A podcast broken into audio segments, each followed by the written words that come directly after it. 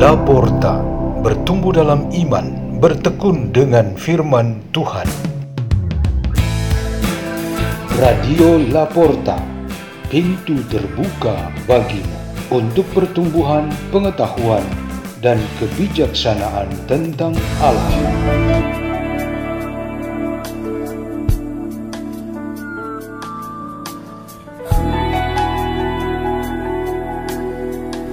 Bersama tim Laporta, asuhan Peter Tukan, biarawan SDB Salesian Don Bosco.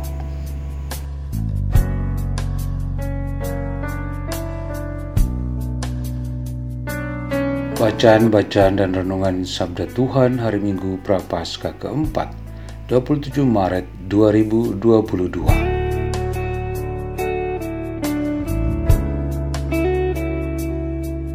Bacaan dari kitab Yosua. Sekali peristiwa setelah Yosua selesai menyunatkan seluruh bangsa, berfirmanlah Tuhan kepada Yosua, "Hari ini telah kuhapuskan celah Mesir daripadamu."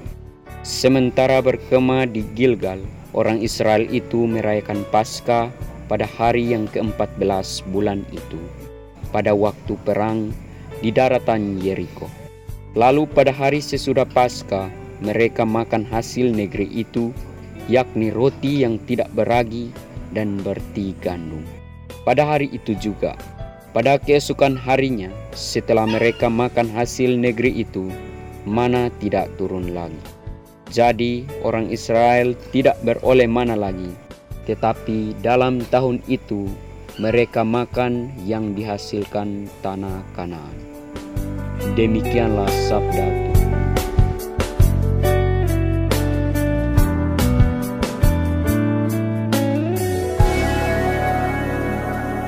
Bacaan dari surat kedua Rasul Paulus kepada jemaat di Korintus. Saudara-saudara, Barang siapa ada dalam Kristus, ia adalah ciptaan baru. Yang lama telah berlalu dan sungguh yang baru sudah datang.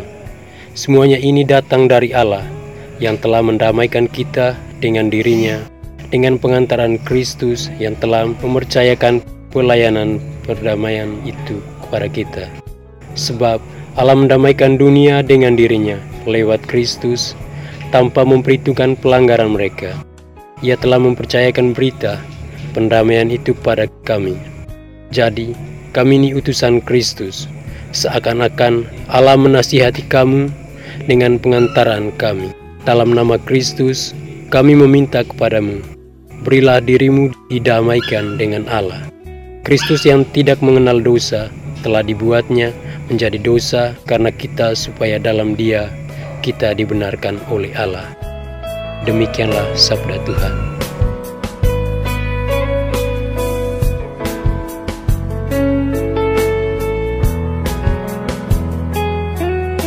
Injil Yesus Kristus menurut Lukas bab 15 ayat 1 sampai 3, 11 sampai 32.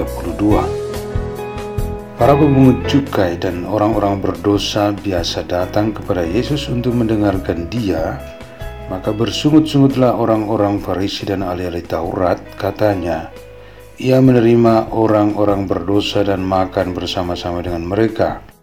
Maka Yesus menyampaikan perumpamaan ini kepada mereka. Ada seorang mempunyai dua anak laki-laki, kata yang bungsu kepada ayahnya, Bapa, berikanlah kepadaku bagian harta milik kita yang menjadi hakku. Lalu ayahnya membagi-bagi harta kekayaan itu di antara mereka.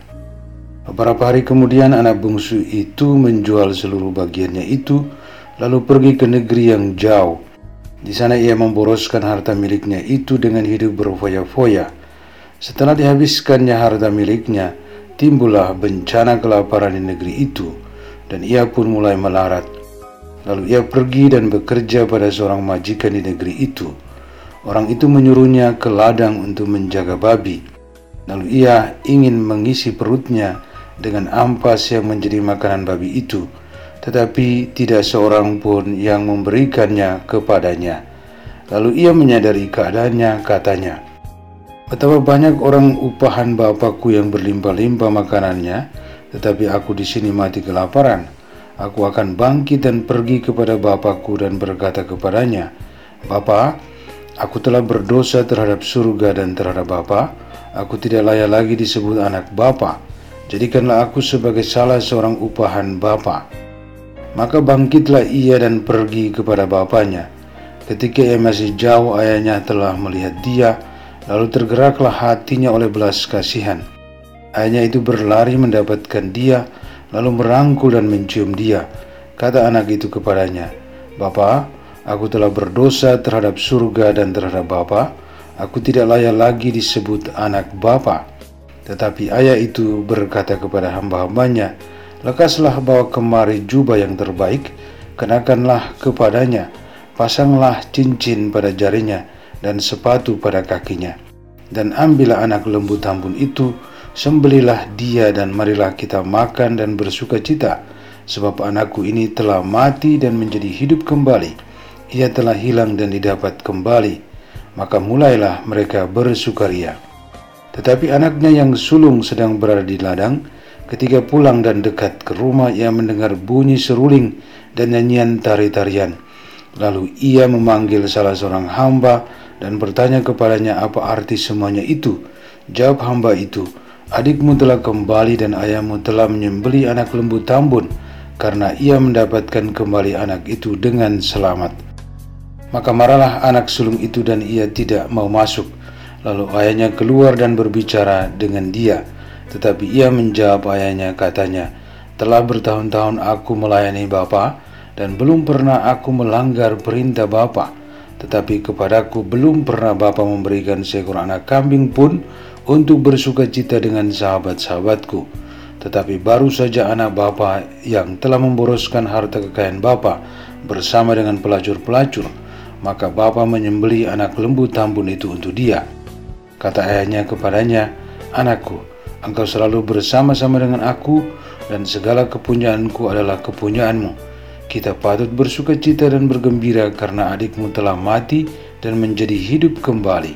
Ia telah hilang dan didapat kembali. Demikianlah sabda Tuhan.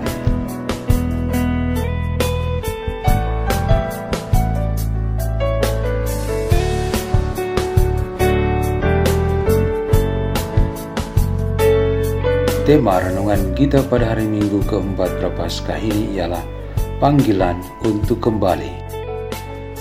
Kita merenungkan kembalinya kita di sini untuk mengingatkan kita bahwa hari raya Paskah semakin mendekat.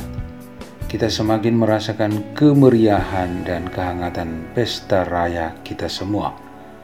Jadi kembalinya kita bukan untuk suatu kemunduran, kegagalan, dan kepada masa lalu dalam dosa karena satu dan lain faktor, kita sebagai manusia terlanjur jatuh dan menjadi jauh dari Tuhan. Dalam pemahaman rohani, dosa, keterasingan, dan kesesatan telah membuat kita menjadi jauh. Maka panggilan untuk kembali kepada yang benar, kepada jalan Tuhan dan naungan kasihnya menjadi hal yang sangat penting di dalam iman kita. Masa ini adalah kesempatan kita dipanggil untuk kembali. Tuhan adalah yang utama memanggil kita dari dosa dan keterasingan hidup. Ia tidak tega dengan Adam dan Hawa, Daud, Petrus, Saulus, Maria Magdalena, dan setiap dari kita yang terbelenggu karena dosa-dosa. Ia menantikan kita di dalam gereja melalui sakramen-sakramen dan firman yang diwartakan, di dalam devosi-devosi, dan melalui pelayanan kasih, supaya kita kembali kepadanya. Mendengarkan panggilannya itu berarti kita akan diterima, diampuni dan diakui kembali sebagai putra putrinya yang terkasih. Orang-orang yang bertanggung jawab atas kita juga memanggil kita. Mereka adalah orang tua, pembina, pendidik, pemimpin, dan saudara kita. Yesua adalah pemimpin dan saudara yang memanggil sesamanya untuk datang kepada janji Tuhan yang terpenuhi Orang tua memanggil kita untuk kembali mengabdi dan melayani mereka dan tanah air, tanah tumpah darah kita. Para pemimpin gereja dan negara memanggil supaya kita kembali untuk ambil bagian dalam pembangunan bangsa dan masyarakat demi terciptanya keadilan sosial bagi semua. Dan berbagai panggilan lain yang banyak ingin supaya kita kembali kepada hidup yang layak dan hidup yang benar. Giliran berikutnya yang ikut memanggil kita ialah diri kita sendiri. Panggilan nurani kita sendiri sangatlah penting. Ketika menyadari bahwa diri kita sudah terlanjur ke dalam hal-hal yang tidak penting, superficial, atau kenikmatan semata, sebaiknya kita mendengarkan panggilan nurani kita. Ia pasti mengatakan hal yang sebaliknya, yaitu memanggil kita kepada ketentraman, kebaikan, dan kebenaran. Ketiga sumber kekuatan yang memanggil kita, yaitu Tuhan, orang-orang yang bertanggung jawab pada kita, dan nurani kita sendiri, adalah kekuatan besar yang menarik kita, sehingga kita tidak bisa mengelak, selain menuruti untuk kembali pada saat atau waktu yang sesungguhnya. Hari ini adalah saat yang tepat bagi kita untuk kembali. Marilah kita berdoa dalam nama Bapa dan Putra dan Roh Kudus. Amin. Ya Bapa, semoga dengan ibadat hari Minggu ini kami dikuatkan untuk kembali kepadamu dengan gembira. Kami ingin menjadi putra dan putrimu seperti sedia kala. Salam Maria, penuh rahmat Tuhan sertamu. Terpujilah engkau di antara wanita dan terpujilah buah tubuhmu Yesus. Santa Maria Bunda Allah doakanlah kami yang berdosa ini, sekarang dan waktu kami mati. Amin. Dalam nama Bapa dan Putra dan Roh Kudus. Amin. Radio Laporta, pintu terbuka bagimu.